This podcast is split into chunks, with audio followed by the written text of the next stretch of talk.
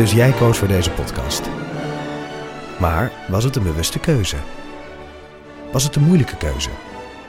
En wat zegt deze keuze eigenlijk over jou? Keuzes. Daar hebben we het over tijdens de Row Now Inner Choices. Een kort en krachtig concert met Maler en Frank. Een avond waarop experts je meenemen in drijfveren, twijfels en de gelijkenissen tussen keuzes in muziek en het echte leven. Kom 19 april naar het Residentieorkest in Den Haag. Een kaartje heb je al vanaf 20 euro.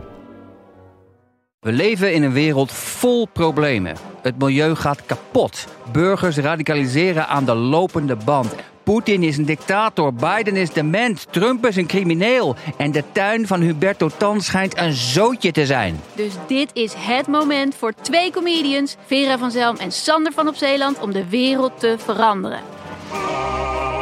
Alles moet anders. Moet anders.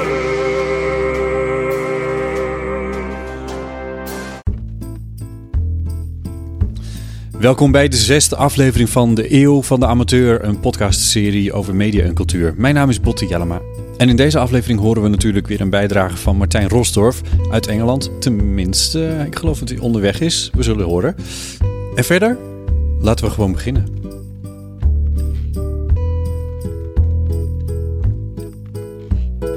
Ik dacht dat het misschien wel interessant is om eens een keertje te laten horen hoe dat nou eigenlijk gaat als je een nachtprogramma moet presenteren. Want het is komende nacht aan de hand. Het is nu vrijdag 8 januari en het is een paar minuten over 12 op de middag. Ik ben eh, nog niet heel lang wakker, moet ik eerlijk bekennen. Ik kom een beetje nog uit de vakantie. Ehm, en dat is eigenlijk ook wel goed, want ik moet vannacht tussen 2 en 7 uur in de ochtend een radioprogramma live op Radio 1 presenteren. Daardoor ziet mijn dag er een beetje gek uit. Ehm, en daar ga ik je een beetje van op de hoogte houden. Ik ben zojuist gebeld door de redactie. Ze hebben een soort eh, eerste draaiboek klaar. Maar alleen in het laatste uur zit er nog een, eh, eh, nog een gat waar ze van dachten: wat gaan we daarmee doen? ze hebben een thema gekozen. Dat is het interview. Dus we horen veel interviews vannacht. Veel lange interviews ook. En het laatste uur stond iets gepland wat nog niet helemaal vrijgegeven is. Uh, dus daar was wat discussie over. En uiteindelijk is er door de redactie, ik benadruk het, uh, gekozen voor een interview dat ik zelf heb gemaakt. Um, met Joris Luijendijk. En dat is inmiddels um, drie jaar geleden. Uh, toen zat hij nog bij The Guardian in Londen. dus voordat zijn boek uitkwam, het boek wat afgelopen jaar heel veel succes had. En het was een hele interessante ontmoeting. Um, ik heb er goede herinneringen aan. Het was een, echt een interessant interview, wat inhoudelijk goed was. Maar waar hij ook een paar persoonlijke dingen heeft verteld. Die, uh, ja, die ik verder eigenlijk nergens meer heb gehoord uh, of gelezen in interviews met hem. Terwijl ze wel interessant zijn. En dat interview dat ik toen met hem had, dat is uitgezonden in de avonden. Uh, op Radio 6 toen de tijd. Um, had een bescheiden publiek. Dus ik vind het eigenlijk ook wel leuk dat we het nu in de vroege ochtend, in de vroege zaterdagochtend uh, gaan herhalen. Um, het betekent alleen wel, want het was een interview wat twee uur duurde, dat ik het moet inkorten, want het moet in dat ene uur passen. Dus ik ga er eventjes doorheen lopen nu. Ik zit met mijn uh, montageprogramma voor mijn neus in mijn huis. En ik zie een hoop aan uh, oud materiaal. Het is dus niet de uitzending zoals we die gehad hebben, maar echt het ruwe materiaal waar ik nu mee aan de slag ga. Dus in feite krijg ik gewoon een heel nieuw interview. Uh, of een nieuwe montage ervan in ieder geval. Um, en dat zal me nu waarschijnlijk wel eventjes iets van een uurtje kosten voordat ik daar helemaal doorheen ben. Misschien wel twee uurtjes. En dan, uh, ja, dan is de rest van de middag eigenlijk bedoeld om een beetje in te lezen in wat we vanavond gaan doen. En ook een beetje rust te houden. En de meeste rust hou ik vanavond. Dan gaat de telefoon uit, dan gaat de computer uit, dan gaat het licht uit. En dan probeer ik echt eventjes... Ja, slapen lukt meestal niet helemaal, maar echt even rust te houden tussen 8 en 12 uur. In de voorbereiding op die nacht die ik wakker moet blijven. Een soort van voorslapen, zo noem ik het maar. Goed, dus eerst die montage met Joris Luijendijk. De conferentie in het, in het paleis op de Dam. En dat duurde twee dagen, dus ik had vrij veel tijd met hem. Ik had ook al zo geregeld dat ik vrij veel tijd met hem had. En toen, uh, Je had ambitie. Ja, zeker. Ik dacht, dit is mijn kans. Dit is de pionier op het gebied van innovatie. En uh, dit is mijn, ja, hoe kom ik anders ooit weg uit Nederland? En toen ben ik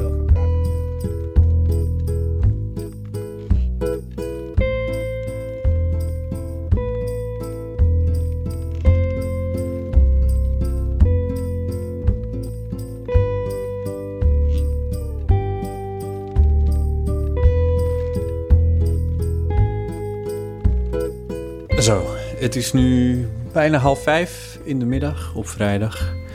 Ehm, ik heb net een kopje thee gemaakt. En ik ga zo eventjes naar de winkel om wat lekkere dingetjes te halen voor vannacht. Ehm, en ik heb net gesproken met onze eindredacteur Anton de Goede van Woord.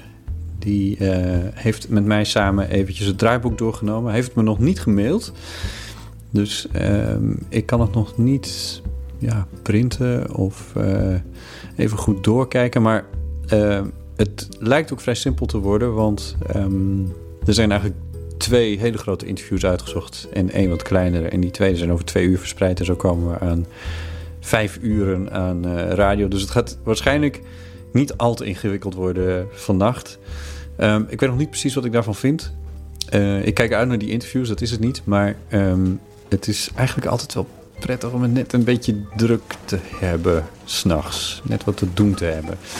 En nu wordt er toch wel veel, ehm, ja, een beetje wachten, denk ik. Maar we gaan het zien. Wat ik in ieder geval net heb uh, ontdekt is dat het Radio 1 journaal, dat morgenochtend om 7 uur begint, um, morgenochtend gepresenteerd wordt door Winfried Payens. En dat is leuk, want dat is een oud collega van Radio 6. En die doet dat morgenochtend voor het eerst, als ik dat zo inschat. Nu dus uh, zometeen even naar de winkel voor het laatste lekkere dingetjes. En uh, rustig een beetje inlezen in uh, wat we vannacht gaan doen. En dan vanavond vooral uitrusten. Hoi.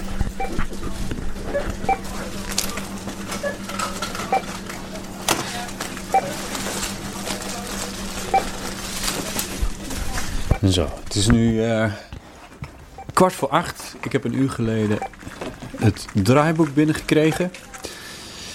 En nu ga ik dat eventjes snel doorlezen. Kijken of er gekke dingen staan. Het is doorgaans heel goed in orde. Um, en dan ga ik even rusten. Zo'n beetje tussen 8 en 12 gaat hier de telefoon uit, de computer uit, het licht even uit. Geen dingen meer die me storen. En dan slaap ik soms een klein beetje of lig ik gewoon lekker wat in bed. En dan uh, ben ik aan het rusten. Want om 12 uur gaat mijn wekkertje. En dan uh, doe ik alsof het ochtend is. Dus dan ga ik uh, douchen en dan ga ik een ontbijtje eten. En dan stap ik in de auto. En dan ben ik iets voor, nou laten we zeggen half twee um, in de studio. En dan begint het woord het radioprogramma. En dan zit ik daar tot 7 uur in de ochtend, 5 uur achter elkaar.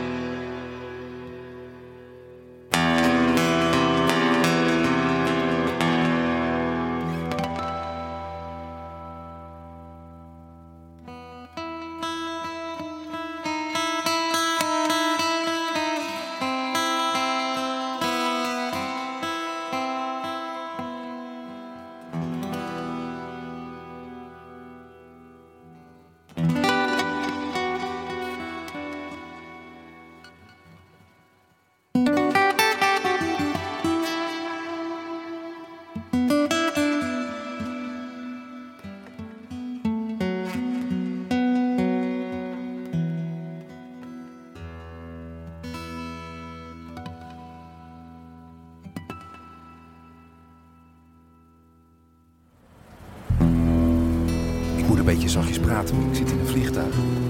Ik zit, uh, om precies te zijn, in een vliegtuig terug van Barbados naar Londen Gatwick. En ik ga het hebben over de Engelse taal. Zoals beloofd vorige week. Want Engels, dat is een moeilijke taal. Hoewel je dat niet zou zeggen.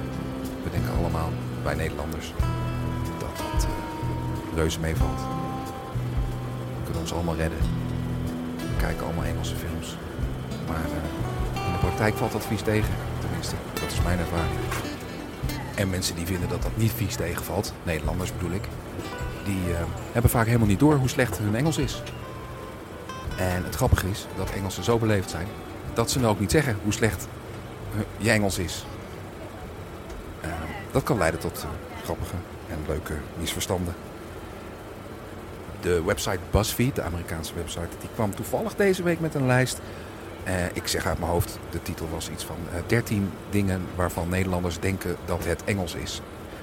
En eh, dat is een grappige lijst. De meeste van die begrippen eh, ben ik zelf ook wel eens mee de mist ingegaan.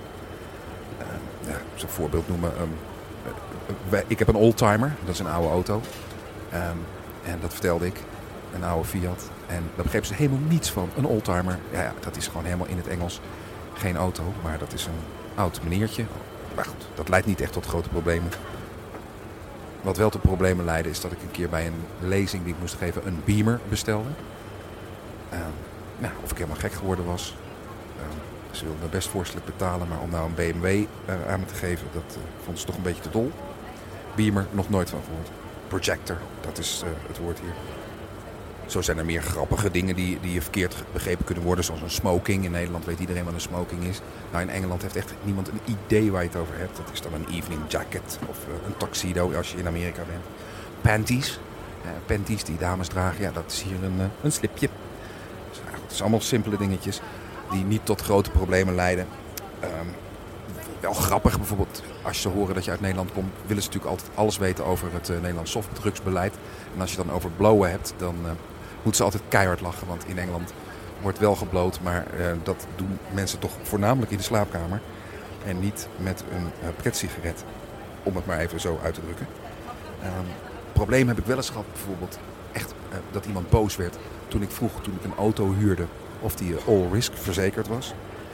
Ja, een beetje lastig uit te leggen, maar all risk betekent dus dat je eigenlijk alle risico ehm, niet daarmee afdekt. Dus eigenlijk precies het tegenovergestelde wat het in Nederland betekent. All risk is hier eh, full coverage eh, van die dingen. Zakelijke problemen heb ik ook wel eens gehad. Toen ik voorstelde aan iemand of met, hij met mij wilde sparren, of hij mijn sparring partner wilde zijn. En veel Nederlanders zeggen sparring partner, daar begrijpen ze helemaal niets van. Maar sparring partner in zakelijke zin, dat wordt ook echt niet gebruikt. Sparren is hier wat boxers doen en niet wat je doet in een eh, omgeving, in een creatieve omgeving. Om eens met elkaar goed van gedachten te wisselen. Nou ja, dat soort misverstanden. Die zijn eh, redelijk onschuldig. Ja, het is een beetje maf om dit allemaal te vertellen in een vliegtuig... terwijl er steeds passagiers eh, langs me heen lopen die naar de wc moeten. En cabinepersoneel die achter mij in luikjes moet zijn. Want ik zit niet op een gewone stoel, ik zit op het klapstoeltje. Op de jump seat, zoals dat heet. Maar goed, we komen er wel uit. Wat ik zeggen wou, er zijn dingen in het Engels die echt tot grote problemen kunnen leiden. En een van die dingen waar ik zelf ook een hoop toestanden onder gehad heb, dat is hoe je afspreekt eh, op een bepaald tijdstip. Stel je wilt met iemand afspreken om half zes, dan eh, heet dat in Engeland niet half six, maar dan heet dat half five.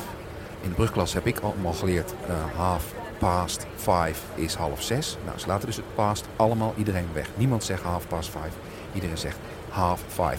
Half five is half zes. Duidelijk dat daar toestanden over kunnen ontstaan, lijkt mij. Nou kan je zakelijk als Nederlander nog op een hoop begrip rekenen. Ze weten dat je uit het buitenland komt en je kan uitleggen... ja jongens, sorry, ik ben Nederlands. Eh, ik sta bekend als bot, dat weet ik. Eh, zeg maar als ik je beledig. Ehm, eh, vertel me duidelijk wat de bedoeling is. Hè, ik begrijp dat er verschillen zijn in de manier waarop we communiceren. Dus in zakelijke zin krijg je wel een beetje slack, zoals ze dat hier noemen. Geven ze je een beetje krediet. Sociaal is dat een heel ander verhaal. Als je sociaal moet meedoen, dan is dat er niet. Dat is... eh, ja, misschien spreekt dat voor zich. Vrienden onder elkaar, mensen onder elkaar in de kroeg, in het café, hebben geen tijd voor dat soort conventies. En eh, als je dat niet snapt, als je niet precies de regels snapt, als je niet precies de fijne nuances van de Engelse taal beheerst, dan doe je gewoon niet mee. En dat vond ik heel naar in het begin. Dat vond ik gewoon rot. Zat ik met mensen in de kroeg, in de pub, aan een tafel met vier, vijf, zes, zeven mensen. En dan kon ik gewoon niet bijschakelen. Ik kon niet meedoen. En dat komt om een, dat, dat heeft een aantal redenen. Er zijn een aantal oorzaken voor. Uh, wat ze doen is bijvoorbeeld snel switchen van onderwerp.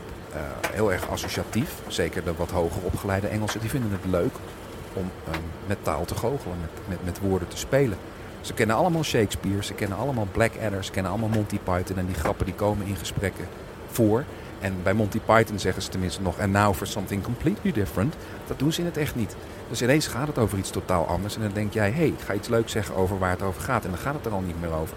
En dat is onvoorstelbaar moeilijk bij te houden. Eh, nogmaals, ook omdat ze geen rekening met je houden. Want ja, je bent deel van hun sociale groepje. Dan gaan ze ervan uit dat jij de code snapt. Vaak vertel ik ze eh, hoe dik ons woordenboek is. En als je dus het Nederlandse woordenboek, een stapel daarvan, dat is een stapel van, ja, wat is die? Centimeter of 25 hoog. Nou, en dan moet je de Engelse, de Oxford Dictionary, maar eens ernaast leggen. Die torent daar drie keer bovenuit. Engelsen hebben veel meer woorden dan Nederlanders. Ja, dat geeft problemen voor Nederlanders. Want wij kennen al die woorden niet, of we kennen ze wel, maar we weten niet wat de eh, genuanceerde verschillen zijn. Wanneer je het ene woord voor dezelfde ding moet gebruiken en het andere. Eh, problemen in de kroeg, problemen aan tafel tijdens etentjes, problemen tijdens dineetjes. Ik vond het heel lastig. Ik heb er echt heel hard voor moeten werken. Heel veel moeten praten met mensen en ook vragen aan ze. Eh, kan je alsjeblieft langzaam praten? Kun je me alsjeblieft helpen? Uh, dat doen ze, dat vinden ze leuk. Maar niet iedereen kan het. En er zijn een paar mensen die me daar heel erg mee geholpen hebben. En die ben ik dan ook echt reuze dankbaar. Maar het gaat niet vanzelf. Het was echt hard werk. Een Engelse vriend zei een keer tegen me dat Nederlanders hun taal gebruiken als een tool, als een stuk gereedschap dingen voor elkaar te krijgen. En Engelsen, hun taal, dat is kunst. Dat is een artform. Ja, een beetje hoogdravend misschien, maar er zit wel wat in. De verschillen tussen Nederlanders en Engelsen die worden echt heel erg duidelijk in de, in horeca en in de winkels. Als Nederlanders op een Engels terras uh, door de ober gevraagd worden... Uh, What can I get you guys to drink? Um, dan zeggen Nederlanders three beer. En dat is gewoon onvoorstelbaar onbeleefd hier in Engeland. Dat is echt iets wat je niet doet. Je moet zeggen, well, if it's not too much trouble, we would like some beers if that's okay with you. Je moet heel veel uh, formuleringen gebruiken om uh, wat je wil heen. Je moet het inpakken, je moet het verpakken. En dat geldt ook in winkels. Je zegt in winkels, als je wil weten waar de pindakaas staat, zeg je niet waar staat de pindakaas, maar dan zeg je, excuse me, if it's not too much trouble, I was just wondering if you might tell me where can I find the peanut butter. En zo pak je dat echt aan en het is niet raar. En in het begin schaamde ik me kapot. Maar ja, ik merk dat als je het doet, heel veel thank yous en heel veel I was just wondering en heel veel if it's not too much trouble. Dan vinden ze dat leuk. En ze weten nog steeds dat je een buitenlander bent, maar je doet mee, je houdt je aan hun regels. En uh, dat vinden ze leuk, dat vinden ze fijn. En dat vind ik ook fijn. Ik ga het een beetje afronden voor vandaag. We gaan bijna landen op Londen Gatwick. Ik zit op deze vlucht met iemand waarmee ik zes jaar geleden ook op een vlucht zat. Matt heet hij. En als het lukt ga ik hem nog eventjes vragen wat hij toen van mijn Engels vond en wat hij nu van mijn Engels vindt. Dat is misschien wel interessant.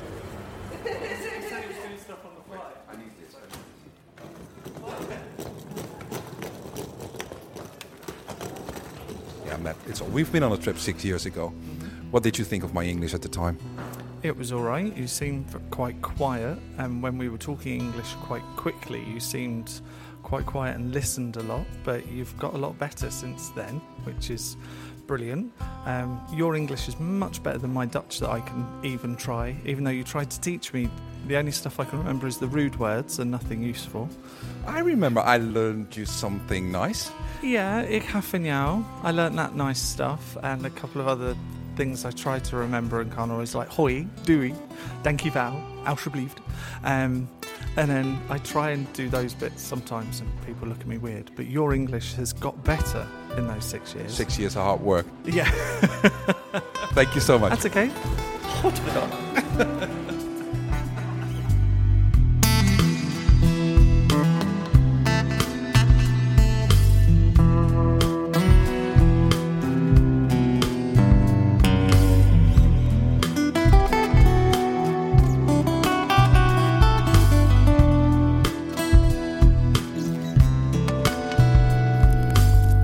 was samen met haar moeder in de mediamarkt. Die had zo'n omslagjas aan die eens chic veinsde voordat het erop had geregend. Beiden hadden zoveel mascara op dat ze niet samen in een gangpad pasten. Dochter keek hulpeloos naar de uitgestalde camera's en zocht een bediende. wat ze ermee wilde doen, vroeg de verkoopjongen. Ze zocht een camera om te vloggen, verklaarde ze zichzelf. Het moest een goede zijn, dat hij er professioneel uitzag. Verder kon ze er helaas geen antwoord op geven. Maar hij moest er goed uitzien. Dus een goede. En nee, ze kon er werkelijk niets meer over vertellen. Want ze was bezig met een geheim project. Oké dan. Ze stapte iets dichter naar de jongeman toe en dempte haar stem. Ze ging bekende Nederlanders filmen. Ze keek even of ik het wel had gehoord. De goede camera's bleken een beetje te duur. Ze verliet het pand met een statiefje voor haar smartphone.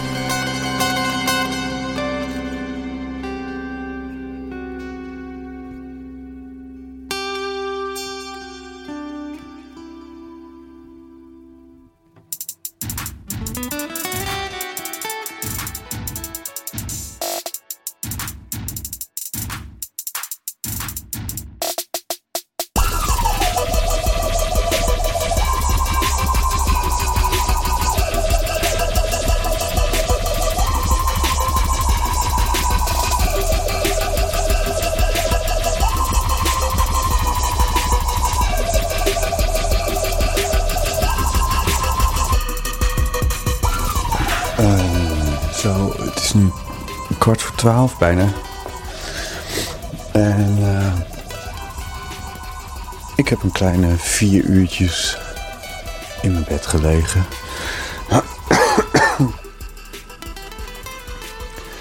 Eh, met als belangrijkste doel om een beetje uit te rusten, niet zozeer om te slapen. Ik heb wel geslapen. Ik heb denk ik geslapen, zeker anderhalf uur geslapen. Vanaf een uurtje of eh, acht, half negen. Dus ehm, die uurtjes die hebben we maar. En voor de rest heb ik een beetje naar podcast liggen luisteren. Want eh, dat is heerlijk ontspannen en lekker warm in mijn bed. Dat is fantastisch. En nu probeer ik een beetje de slaap te verdrijven. Eh, ik voel me helemaal niet slaperig trouwens. En ik ga even douchen. En dan ga ik een kopje thee zetten. En dan ga ik eventjes een overhemd eh, strijken. ja, die moeten we even strijken. Het is radio, maar ik ben net ijdel genoeg om eh, dat dan te willen. Dus, daar gaan we.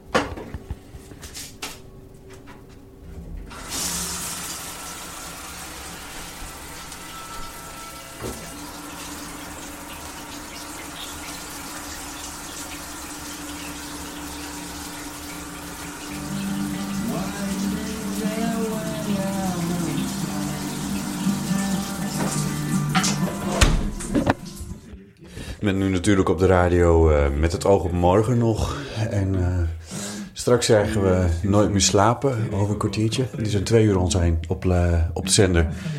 En dan begin ik. Ja, we gaan een. een, een Wilfried, veel plezier nog. veel testen ook. Want, want Jan, wil, je bent twee keer wereldkampioen geweest. Ja. eh, Oké, weer een uurtje later, kwart voor één is het nu. En ik heb mijn overhemd gestreken, ik heb gedoucht. Ik heb mijn tas gepakt, draaiboek uitgeprint. En ik ben klaar om naar Hilversum te rijden. Even kijken, telefoon, sleutel, portemonnee, de heilige drie-eenheid. Mijn laptop zitten in mijn tas, een oplader, want hij houdt het niet meer vijf uur uit. En het draaiboek. En wat te eten natuurlijk. Oké, there we go.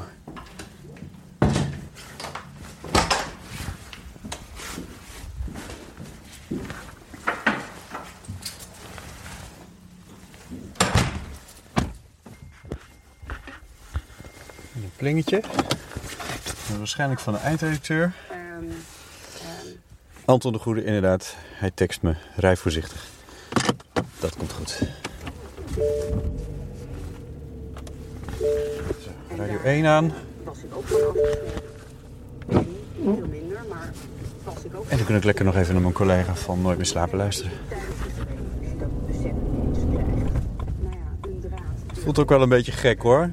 Want ehm, een ja, ik woon in Amsterdam. En waar ik vandaan rijd, daar fietsen veel mensen langs van en naar de stad. En ehm, die... eh, ja, ik zie nu dus allemaal mensen uit de stad komen. Die, weet ik veel, een feestje hebben gehad of zo. Die eh, lekker onderweg zijn naar hun bedje. En eh, daar de komende uren in verblijven. En als ik straks terugrij, is het nog steeds donker om 7 uur s ochtends natuurlijk. Maar dan eh, tref ik de eerste die alweer onderweg gaan naar, eh, naar hun werk. Of wat ze op zaterdag maar ook moeten doen in de vroege ochtend. En dan ehm, ga ik naar mijn bedje. Het is een beetje gek. Het is een, eh, het is een rare klus. En stiekem vind ik het ook wel leuk. Want... Ja, ik weet niet. Het is een beetje raar en ik hou wel van een beetje raar. Is het ook maar een beetje saai eigenlijk. Anyway. Ander fijn ding van de nacht is... Je kan wel lekker doorrijden. Een beetje uitkijken voor de dronken fietsers. En de dronken scooterrijders. Maar alle verkeerslichten, de meeste verkeerslichten, die zijn uitgeschakeld. Dus als er nu niet verder aankomt... kan ik heel vlot doorchasen naar het Mediapark.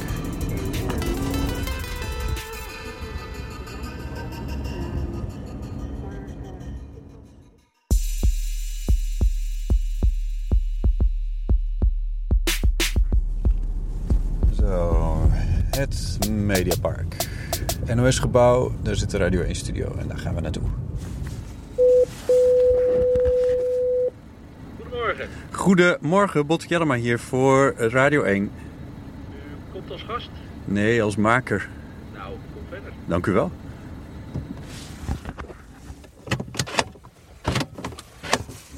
Staat u erin?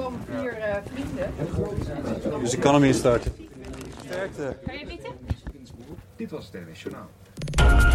NPO Radio 1. Woord. Woord. Woord. Met Botte Jellema. Hele goede nacht en welkom bij Woord, het programma met hoogtepunten uit de al dan niet recente geschiedenis van de radio. De komende vijf uur presenteer ik verrassende radio van de publieke omroep. Dat wil zeggen stukken uit de archieven. De hele nacht. Gaat u er maar even goed voor zitten, want vannacht presenteren we vijf uur lang diepte-interviews. Het is drie uur, Waterwalgemoed met het NWS Journaal. Het is vier uur, Waterwalgemoed. Het is vijf uur. Het is zes uur, Waterwalgemoed met het NWS Journaal. Can't Slow Down van Douwe Bob van zijn tweede album dat in 2005 verscheen. Tot zover Woord. Wilt u ons mailen? Stuurt u dan een e-mail naar woord.vpro.nl. Zometeen na een kort journaal kunt u luisteren naar Winfried Baaiens met het Radio 1 Journaal. En ik wens u vooral nog een heel fijn weekend. Tot volgende week.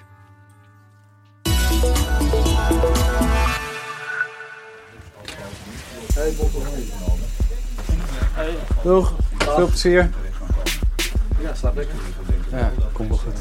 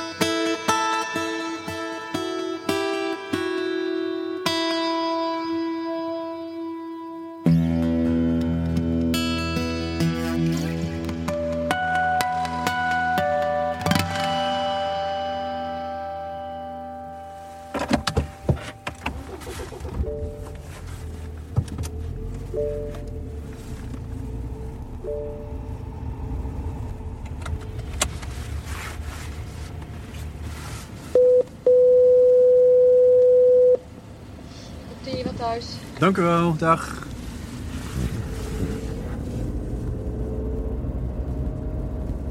Zo. Nou, het zit erop. Winfried Baaiens is nu aan het presenteren. Het Radio 1-journaal. Het is zes minuten over zeven. En ik rij het Mediapark af. Er was gisteren iemand die zei... Rij dan de afloop gewoon naar huis? Rij je dan niet tegen een boom? Nee. Ik ben nog zo fris als wat. Ik bedoel, hoe rustig die uitzending ook is, want het is het aan- en afkondigen van een paar dingen. Meer is het niet echt. Je moet wel je kop erbij houden. Je moet alert zijn. Je bent op de zender, Radio 1. Dat zorgt voor een, voor een beetje adrenaline. En dat gecombineerd met wat kopjes thee en een lekkere, een lekkere koek. Gewoon een beetje wat, een klein beetje eten om een systeem wat in gang te houden. En dus een praatje met deze en gene. Dan blijf je wel wakker, dan blijf je wel alert. En hoewel ik nu wel zin heb om naar mijn bed te gaan, is het niet zo dat ik heel erg naar de tering voel of zo. Dat valt eigenlijk wel mee. Ja, ik heb natuurlijk ook niet gedronken, hè. Dus dan kun je het eigenlijk heel lang uithouden. Enfin. Ik rijd nu rustig richting Bussum.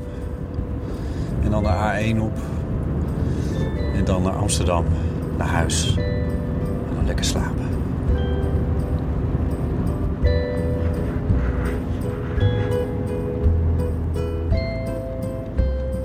Dit was de zesde aflevering van De Eeuw van de Amateur, een podcastserie over media en cultuur. Ik vind het heel erg leuk om te maken en ik vind het net zo leuk dat je hebt geluisterd.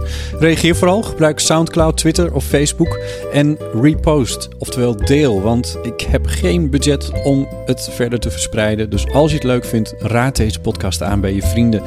Langzaam maar zeker krijgen we meer luisteraars en dan kunnen we meer doen, dat is leuk. De podcast De Eeuw van de Amateur is te vinden in de iTunes Store en is gratis. Mijn naam is Botte Jellema en mij rest niets dan je een heel fijne week te wensen.